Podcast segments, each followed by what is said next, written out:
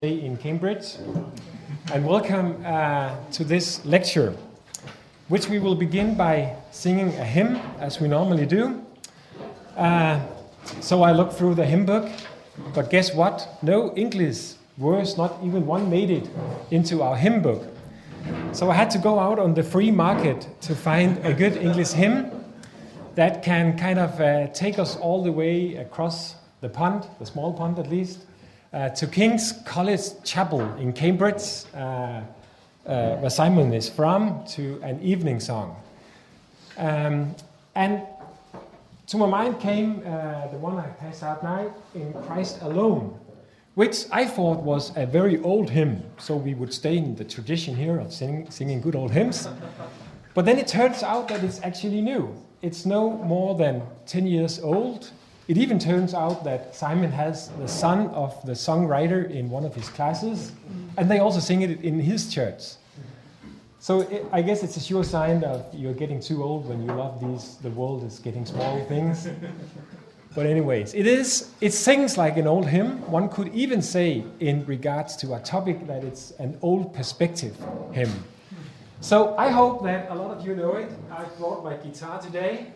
Um, I will play it on the condition that you will stand and sing this praise.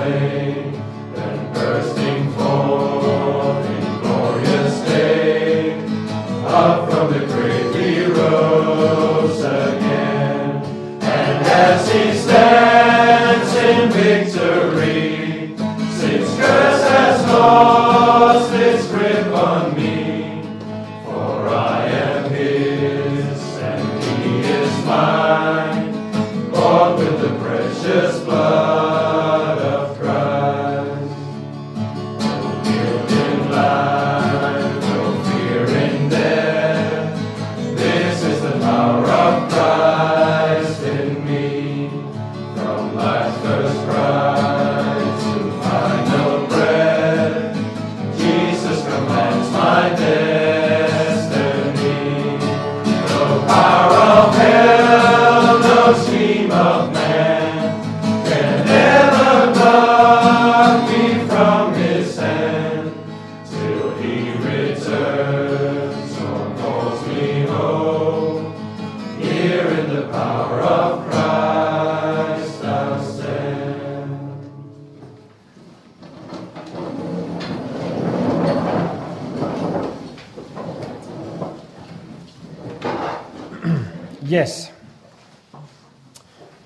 Simon Gathercole is a lecturer in New Testament studies at Cambridge University, which he has been since 2007. Before that, he was a lecturer at Aberdeen University.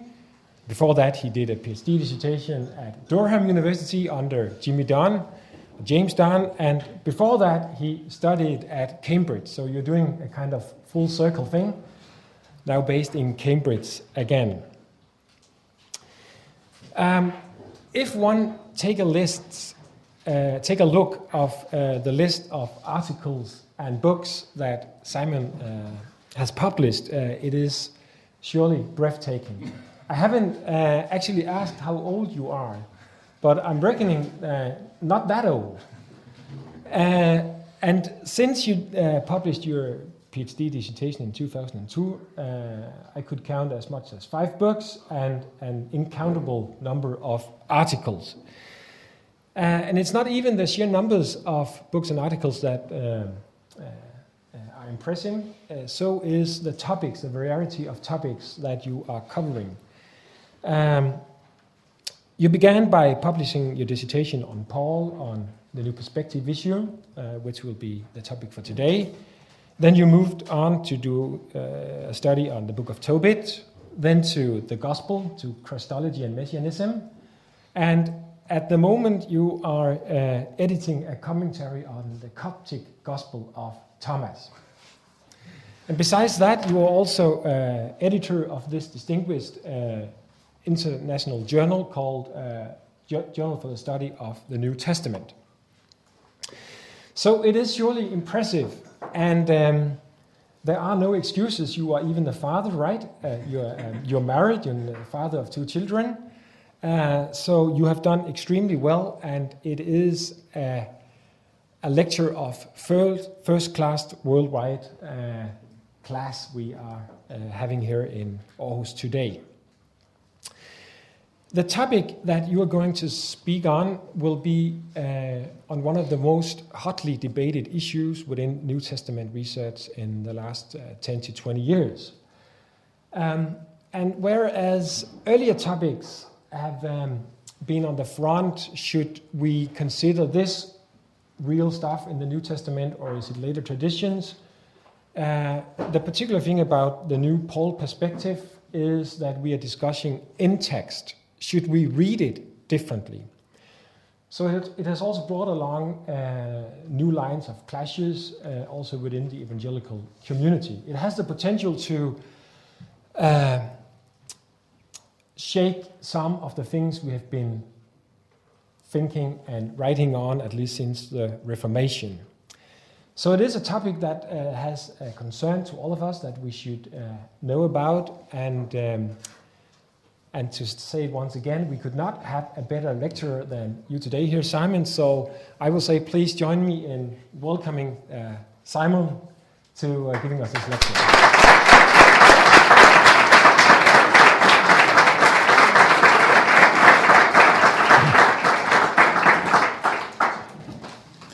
Many thanks for your kind invitation and thank you for your introduction, Morten, although it was su- such a nice introduction that I, am afraid you're all going to be disappointed now.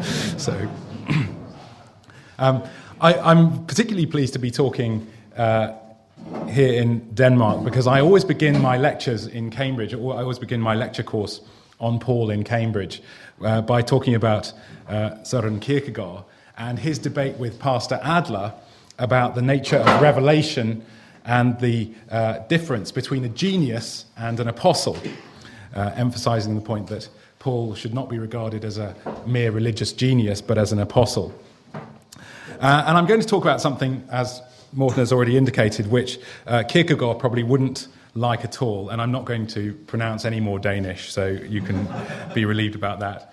Uh, the new perspective on Paul, which is something which he, I'm sure, wouldn't have liked very much. The new perspective on Paul is, should also not be regarded as a clearly defined group of scholars who advance a very clear, clearly defined uh, message.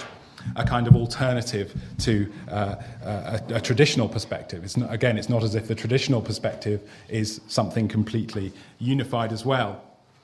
But it is a diverse movement within Pauline scholarship which shares some important emphases and some key emphases. The new perspective on Paul also needs to be seen as a new perspective on Judaism. And one of the important features of the new perspective, one of the things which does unite the various uh, protagonists of the new perspective on Paul, is that they share a rejection of old caricatures of rabbinic Judaism and of the Judaism from the time of Paul more widely. I'm not going to go into this in great detail this morning, although we'll talk about this a bit more this afternoon. But broadly, the new perspective rejects the old idea of a Judaism of Paul's time, which was legalistic and based on works righteousness and merit. And so, one of the impulses, one of the driving forces for the new perspective on Paul was a reassessment of the Judaism from Paul's day and that involved a reassessment of the rabbinic literature, of the Apocrypha, of the Pseudepigrapha, the Dead Sea Scrolls, and other texts from Paul's time. Additionally, uh, when we come to Paul, uh, I'm going to focus on, on Paul rather than the Jewish literature. Uh, Paul is not completely re-evaluated in the new perspective on Paul. The new perspective on Paul is focused quite narrowly on a reassessment of Paul's understanding of justification. So the new perspective on Paul doesn't really make any particular comment about Christology or about even to some extent on the atonement and, uh, uh, uh, and uh, final eschatology or anything like that. The new perspective on Paul is quite narrowly focused on Paul's understanding of justification what it is that in Paul's doctrine of justification that he's opposing and what it is that he's affirming. Now, the new perspective on Paul, I think, can best be understood against the background of the so called old perspective. So, what I will do briefly is sketch the old perspective uh, as a way of clarifying what it is in the new perspective that is new. And I've organized both the sections on the traditional perspective and on the new perspective into five main headings. So, first of all, the function of justification. Uh, and I'm sure you know the answer to all of these questions. Um, what is the function of justification in the traditional perspective on Paul? Well, the function of justification is to provide a solution to the problem of human sin and divine wrath after the, uh, the catalogue of human sin and the account of di- divine wrath in Romans uh, 1 to 4, Paul talks about, the, uh, in, in, Romans 1 to 3, Paul talks about the atonement on and on justification and how, because of justification in Romans chapter 8, verse 1, as we've just sung as well, there is no condemnation for those who are in Christ Jesus. So, uh, the problem which justification is addressing is the problem of human sin and divine wrath that you see in particular in that block in Romans in Romans 1:18 to chapter 3 verse 20 which begins and now the wrath of God is being revealed uh, on the sins on, on all the sin of humankind and so Paul highlights both uh, Gentile sins uh, as he sees it in Romans chapter 1 and then in chapter 2, focusing more on the sin of his Jewish contemporaries.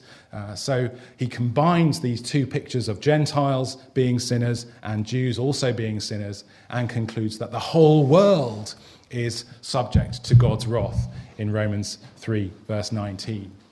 So that situation of everyone being subject to condemnation is the solution, is the, is the problem which leads to the solution of justification. What about the content of justification more precisely? Well, more precisely, on the traditional perspective, justification uh, offers salvation by God's grace alone without human contribution.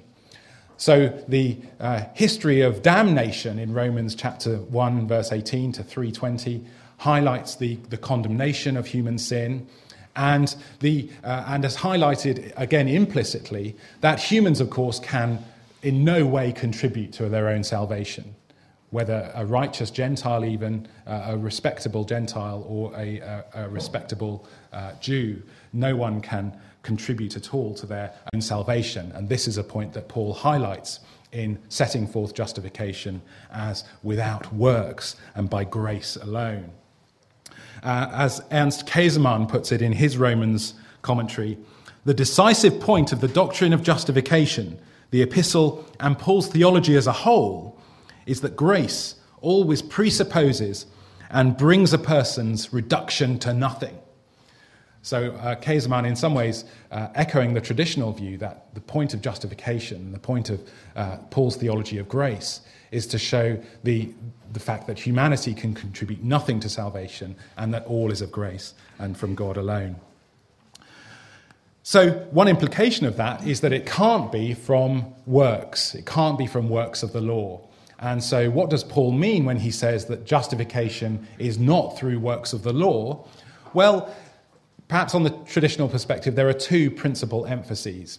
One is that this is not uh, attainable by human obedience at all, uh, because of the, uh, the, the, the, sinfulness of humanity. And another point is a, a, point more closely related to the Jewish law. And that is that uh, there's, a, there's a problem perhaps with the Jewish law in some formulations, especially as it's developed later by the Pharisaic tradition where it becomes a collection of minute uh, legal observances which are, in a, in a way, evade God's will more than expressing it. So, on the traditional perspective, there is a reaction uh, both, of, both against human ability and also against the character of the law. So, why is it not by works of the law? Well, it's not by works of the law because uh, it's impossible both because of, the, both because of human nature, but also just because of the system, of, of the system itself. That justification can't be by works of the law because then God would no longer be the gracious God that He is. We would have a claim against God. We would have a check from God which we, we could cash uh, if, if, if justification could be by works. Uh, so it can't be by definition, not only because it because of humans, but also because of the person of God. And so, justification in the traditional perspective on Paul is by faith, sola fide. Uh, and this involves the admission of guilt, repentance, expressing our inability before God to please Him, and trusting in God alone. So, in Ephesians chapter 2, verses 8 and 9, this is put uh, very clearly as uh, an antithesis between faith on the one hand and works which lead to boasting on the other. So in Ephesians 2, verse 8, for it is by grace that you have been saved through faith, and this is not from yourself, it is a gift of God, not by works, so that no one might be able to boast. Uh, the assumption of all God's workings in salvation history is, of course, that they are directed to God's glory and not so that humans might be able to claim glory and themselves boast. And uh, Rudolf Bultmann expresses this in his New Testament theology when he writes that faith's attitude is the radical opposite of boasting, nor can faith take credit for itself. That would be boasting. So, on the traditional perspective, whether one takes a more uh, orthodox traditional uh, theologian like Luther or a more sort of radical one like Bultmann, uh, there's that shared view that uh, faith is central because otherwise humans would be able to claim the credit for salvation. Now, a number of problems have been raised in connection with this in the new perspective on Paul, and I've just highlighted three of them here. One is, of course, uh, whether one can accept this traditional view of Judaism as concerned with legalistic works righteousness and whether indeed Jews t- thought at all that they could please God uh, and earn salvation through their observance of the law. And Sanders, in particular, in his book on the uh, bibliography, Paul and Palestinian Judaism, uh, has a, an enormous section, five, four, 400 pages or so, examining in some detail the Jewish literature from Paul's time and contending that Judaism just wasn't like what we thought it was like. Secondly, there's a, uh, a point raised quite early on in Pauline scholarship, uh, before most of the New Perspective was called the New Perspective, uh, Krister Stendahl, and he made the point in particular that one of the problems with the traditional perspective is that un- under the influence of the Reformation, scholars tended to read the Reformation controversies back into the time of Paul. And so Stendahl argues that we must uh, get back behind the Reformation and also even behind Augustine as well, because uh, he, he says that, uh, that Paul's controversies are not like the Pelagian controversy either. So we must somehow try and uh, avoid looking at Paul through our Reformation influenced spectacles. And so uh, Stendahl argues that Paul's concerns were not the sort of individual concerns uh, about salvation that we have. Uh, they were not anxiety about guilt in a way that one uh, might get the impression of from Augustine's uh, conversion account and Luther's conver- conversion account in particular. Uh, Stendahl says that Luther's conversion account has played a, a, an extreme role in shaping Pauline scholarship, and so we have to avoid that, according to Stendahl. And Wright, N.T. Wright in, particularly, uh, in particular, focuses on this point of individual salvation not being the central point of justification. Uh, so for Wright, justification is not the answer to the question, what must I do, what must I do to be saved? Uh, because people didn't sort of generally go around in the street every day saying, What must I do to be saved? Uh, right, as Wright puts it. But rather, it's the, uh, the question of how are the saved identified?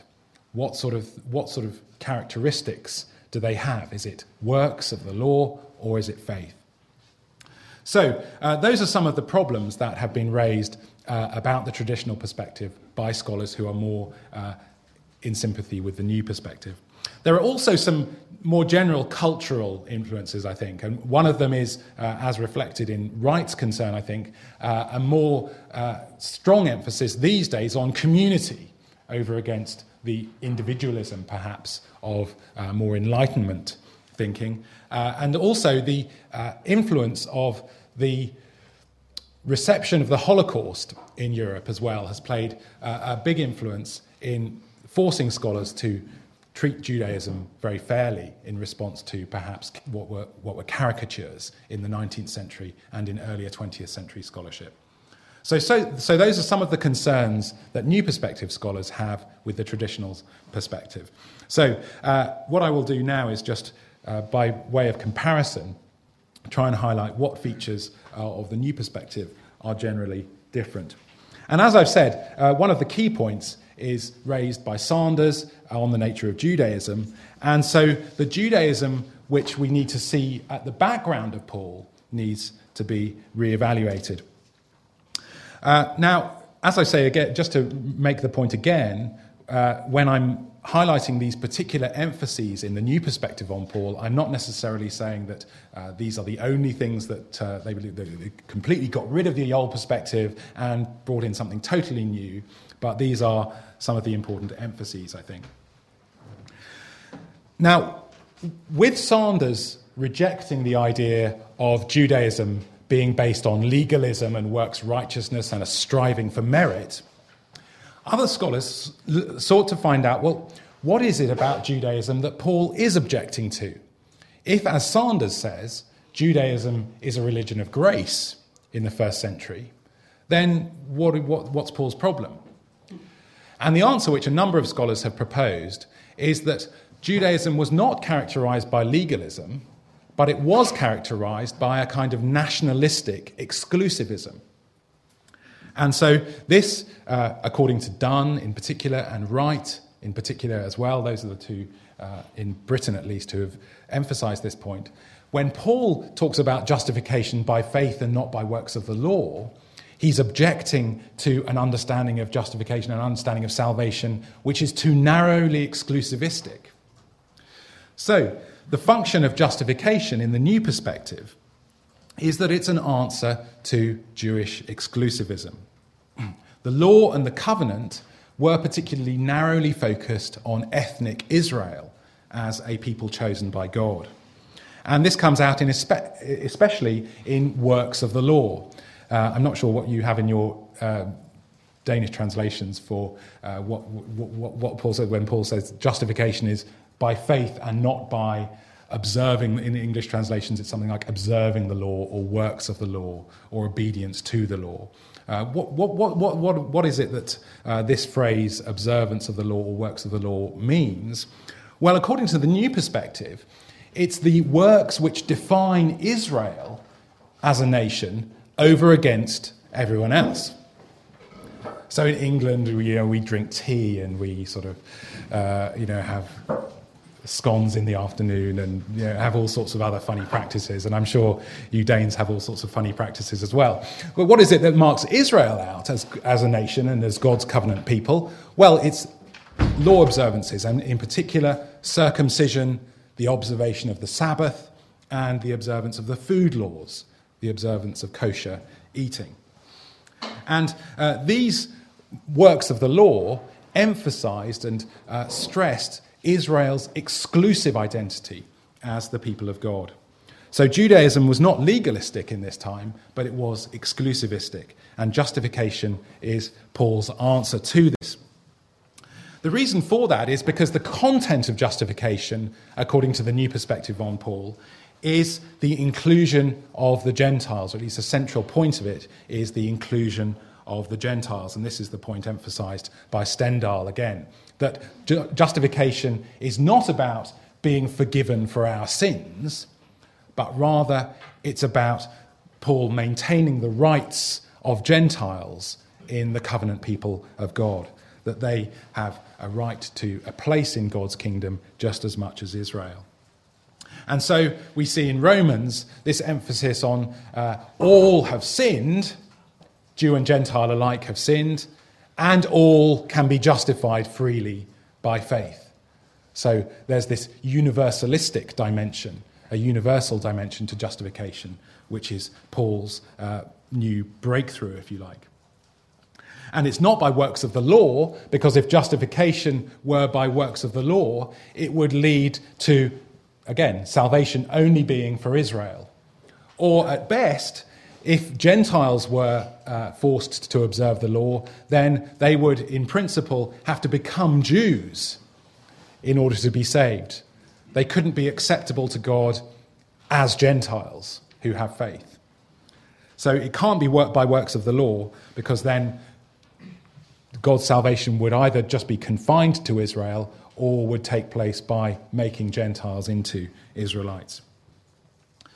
So that's why not works of the law. One of the uh, key verses that is uh, emphasized here is in Romans 3, verses 28 and 29. For we consider that a person is justified by faith and not by works of the law. Or is God Jews of, uh, or is God God of the Jews only? Is he not God of the Gentiles also? Yes, of course, he's God of the Gentiles too. So, uh, God is not, of course, the God of the Jews alone, uh, but the God of Gentiles also. And the reason why justification is by faith specifically is that faith, according to the new perspective, is available to anyone. You don't have to be an Israelite to have faith in Christ. Anyone from any nation can believe. and what I thought I'd do, just to uh, sort of consolidate that, is to go through some parts of the handout, the other section of the handout, which is an extract from Dunn's commentary on Romans. I meant to say, by the way, that if anyone wants to ask a question just while we're going along, if, if something's unclear, then do stick your hand up and feel free to, to ask. So, on the first page of the Dunn extract, which is page 69, LXIX, from the uh, introduction to his commentary on Romans, we have this statement The law thus became a basic expression of Israel's distinctiveness as the people specially chosen by the one God to be his people. So here we've got the first point, really, the, the problem of exclusivism coming in. In sociological terms, the law functioned as an identity marker and a boundary reinforcing Israel's sense of distinctiveness and distinguishing Israel from the surrounding nations. And there you have two extracts that Dunn gives from, uh, from the book of Jubilees, a second century BC Jewish text, and from the letter of Aristeas, which is again a second century BC or first century BC Jewish text.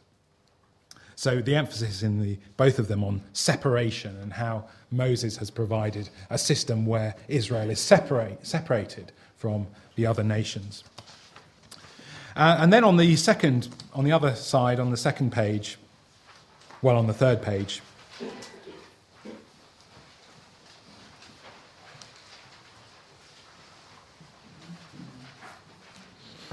in the middle there, you see the exposition of what is really the works of the law and the function of the works of the law. So Dunn writes a sociological perspective also helps, to, helps us to see how the conviction of privileged election and the pro- practice of, of covenantal nomism, don't worry about that term, almost inevitably comes to expression in focal points of distinctiveness, particular laws and especially ritual practices which reinforced the sense of distinctive identity and marked Israel off most clearly from other nations. In this case, three of Israel's laws, or sets of laws, gained particular prominence as being especially distinctive circumcision, food laws, and Sabbath. So that's the Judaism against which Dunn, as a representative of the new perspective, thinks that Paul is reacting. So Dunn then towards the bottom of that page, then sets out how Paul responds. So in the section marked 5.4, Dunn writes This then is the context within which and against which we must set Paul's treatment of the law in Romans.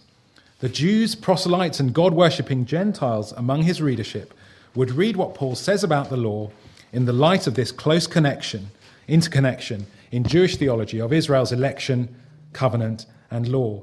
They would, I believe, recognize that what Paul was concerned about was the fact that covenant promise and law had become too inextricably identified with ethnic Israel as such, with the Jewish people marked out in their national distinctiveness by the practices of circumcision, food laws, and Sabbath in particular. Uh, and then Dunn alludes to Wright's uh, doctoral dissertation, at that time unpublished, well, still unpublished, uh, Wright appropriately coins the phrase national righteousness. They would recognize that what Paul was endeavoring to do was to free both promise and law for a wider range of recipients. So the problem is exclusivism, the purpose that Paul has is expanding, uh, freeing both promise and law for a wider range of recipients, freed from the ethnic constraints which he saw to be narrowing the grace of God and diverting the saving purpose of God out of its main channel, Christ. So, that I think clarifies some of the key points of the uh, new perspective in, in, in their own words, uh, as it were. Now, a number of scholars have raised some particular problems with this. And what you saw, what, what one aspect of this is that you find in some scholarship a kind of caricaturing of the old perspective to highlight the, uh, the merits of the new perspective. Uh, but uh, uh that's, that's by, the by, by the by. One point that has come into question, I said earlier that the new perspective on Paul is just as much a new perspective on Judaism, as we've seen. Uh, and a number of scholars have raised questions about whether Sanders and other scholars have really got the Judaism right from the first century it's been often the point has often been made that uh, Sanders makes first century Judaism into a kind of liberal Christianity. Where everyone is sort of happily going along uh, without worrying too much about guilt. Uh, the observance of the law was not a great burden. Uh, they all emphasized grace very strongly. And so, uh, in particular, in a German book by Friedrich Avemarie, uh, have I put this on the uh, handout, yes, uh, that great big German book, Torah und Leben, which focuses on the rabbinic literature, and my own PhD dissertation, which focused, focused on the earlier literature of Judaism from before the destruction of the temple in AD 70. Uh, a number of other scholars as well have also questioned whether this uh, grace centered understanding of Judaism is right. And we'll talk about that more, in the, more this afternoon if you're, uh, if you're coming this afternoon. Another important question is uh, that one raised by Timo Laato. I, said, I promised you I wasn't going to pronounce any more Danish names, but uh, uh, Timo Laato, which is well, well worth reading. Uh, his uh, question is whether the new perspective does justice to Paul's new understanding of human nature. And this is a point also raised uh, extensively by uh, Stephen Westerholm in his book on the new perspective on Paul. Uh, in other words, the point that with his conversion, Paul now has a much more pessimistic, negative understanding of human capacity. As a Pharisee, Paul might well have thought that uh, obedience to the law was no great uh, problem, uh, but now as, a fa- now as a Christian, he sees the law as a big problem in that it can't be obeyed. Uh, additionally, the question has been raised uh, as to whether Paul has, whether Paul is quite as uh, traditional in his understanding of God. The emphasis on the new, of the new perspective is that uh, Paul continues many of his Jewish uh, uh, presuppositions about God. He sees salvation not as understood in a new way, but as simply expanded to a wider audience. And uh, Watson questions whether uh, Paul's understanding of God does remain fundamentally the same. Now, some uh, reactions to what, I, what I've called reactions to the new perspective and synthesis, which is basically just a way of saying this is my view. So, uh, um, so you'll see that there's, there's quite a lot of continuity with the old perspective, but with some nuancing as well, I think. First of all, in terms of the function of justification, I think that the old perspective is pretty much right. That, uh, as it's set out in the opening chapters of Romans, the problem is still uh, human sin and wrath, and not fundamentally a problem of an over exclusivistic understanding of the covenant in Israel, in, among Paul's Jewish contemporaries. And uh, what is the content of justification? Well, I'll go into this in more detail this afternoon, but essentially it is a forensic declaration of innocence, which leads to the point that Paul makes at the beginning of Romans chapter 8 for now there is no condemnation for those who are in Christ Jesus. How does Paul come to this conviction that there is no condemnation for those who are in Christ? Well, because of what he said about justification uh, earlier. Um, what does it mean when it's not by works of the law? Well, here I think there's some nuancing to be done on the old perspective. First of all, because the uh, works of the law that Paul is talking about are not good human acts in general. Paul doesn't generalize the law to encompass, uh, uh, in Romans at least, to encompass general human good deeds. When he says the works of the law, he means works of the law quite specifically. And he's saying that justification is not by works of the law because that was the understanding that many of his Jewish contemporaries had and the, the understanding that Paul would have himself had before his conversion. The understanding was that God had chosen Israel, and so Jews did emphasize grace and election in that respect, that God had chosen Israel, brought them out of Egypt by his outstretched arm and his mighty hand, and he gave them the law. Gave them the law. But then Israelites had to, and Israel as a nation, had to respond to that grace of God and observe the law. And in the mindset of Paul's Jewish contemporaries and of Paul himself as a Pharisee, every Jew had to observe the law in order to be saved and receive life in the age to come. So the observance of the law, the doing of the law, was a necessary condition for inheriting eternal life. And that is what Paul uh, is opposing. Why is it not by works of the law? Well, I think the fundamental reason why Paul says that this uh, uh, justification, this vindication at the end of time, this uh, salvation, can't be as a result of observance of the law is because of the flesh. So I just want to look briefly at uh, some passages from Romans which highlight this point. So, first, Romans chapter 3, verse 20. And I don't know what the Danish translations are like, but the English translations are not very good at getting this uh, quite clear enough, I think. So, Romans chapter 3, verse 20. Therefore, no flesh will be justified by works of the law before God. For through the, law, through, through the law comes knowledge of sin. Now, as I say, English translations often don't translate that no flesh very well and, try, and just change it into no one or something like that. Uh, now, what's the significance of this? Well, partly Paul is alluding to Psalm 143 there, but I think there's also a particular reason why he includes this reference to flesh. And that comes out in chapter 8, where we see the problem of the flesh. So, first of all, in Romans 8, verse 3,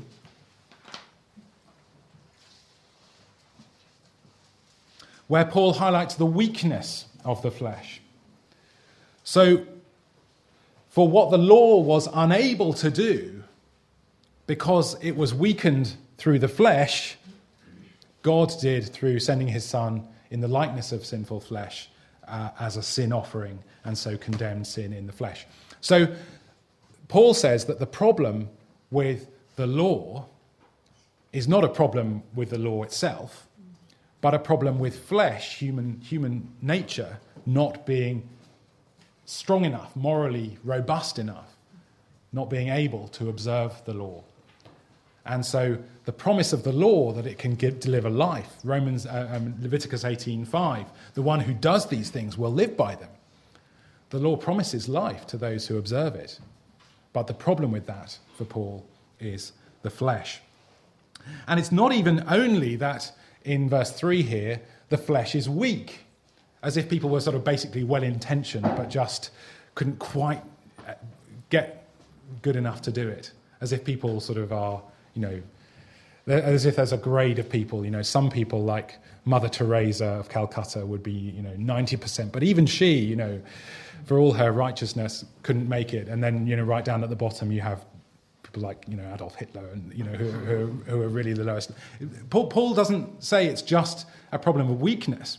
If you look to verse seven, he shows just how dramatic the problem of sin is and how dramatic the problem of the flesh is. Therefore, the mindset of the flesh is hostility to God.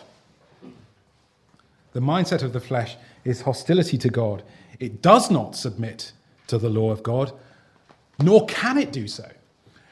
So it's not just a problem of human weakness, it's a problem of human rebellion. The mindset of the flesh is hostility to God. Uh, it does not submit, and, and, and, and, and it cannot. So I think when Paul says that no flesh can be justified by works of the law, and that what the law was powerless to do in Romans 8, verse 3, because it was weakened by the flesh, he's highlighting the problem of the human person as a, uh, as a problem with the works of the law.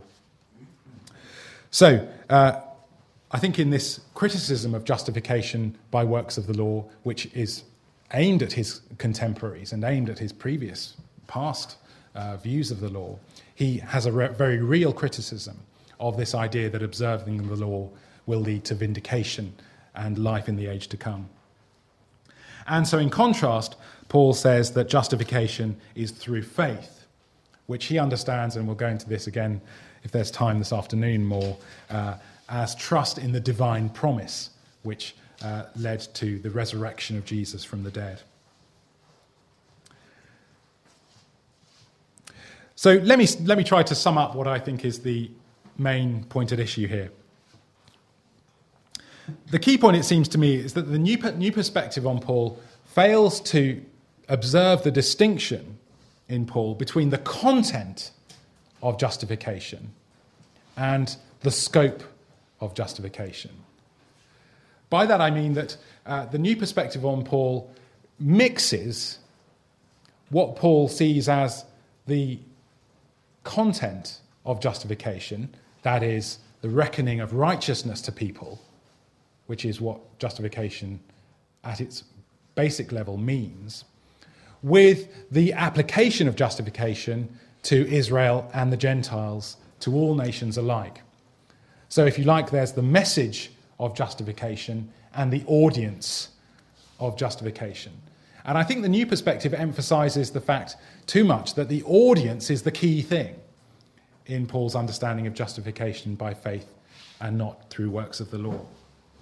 And so the, the point, the, the, the real content, the uh, message of justification is in danger of being lost. So uh, the content again then is God's action whereby he sets his sinful creatures free from condemnation and reckons righteousness to them. Again, more on this uh, this afternoon. Paul uh, frequently mentions Genesis 15:6 as a kind of explanatory uh, sentence which helps you understand what justification is. Abraham was justified. What does that mean? Well, God reckoned to him righteousness. That's the content of justification. Now, Paul is very concerned as well to emphasize, of course, that this justification is available through faith to Jew and Gentile alike. Now, I'm not, and I'm not trying to say that that's unimportant, uh, because, of course, for Paul, it, it, it is important, both uh, in terms of his understanding of God's plan and in its application to his own personal mission, especially for him as apostle to the Gentiles. But it's not the substantive central point, it's not the content of justification. So, justification for Paul is not primarily the answer to the particularity of the Old Covenant and the uh, exclusivism of the Judaism from the time of Paul. Rather, it's the doctrine in which God is, according to Romans 4, Romans 4, verse 5, the one who justifies the ungodly. Thank you very much.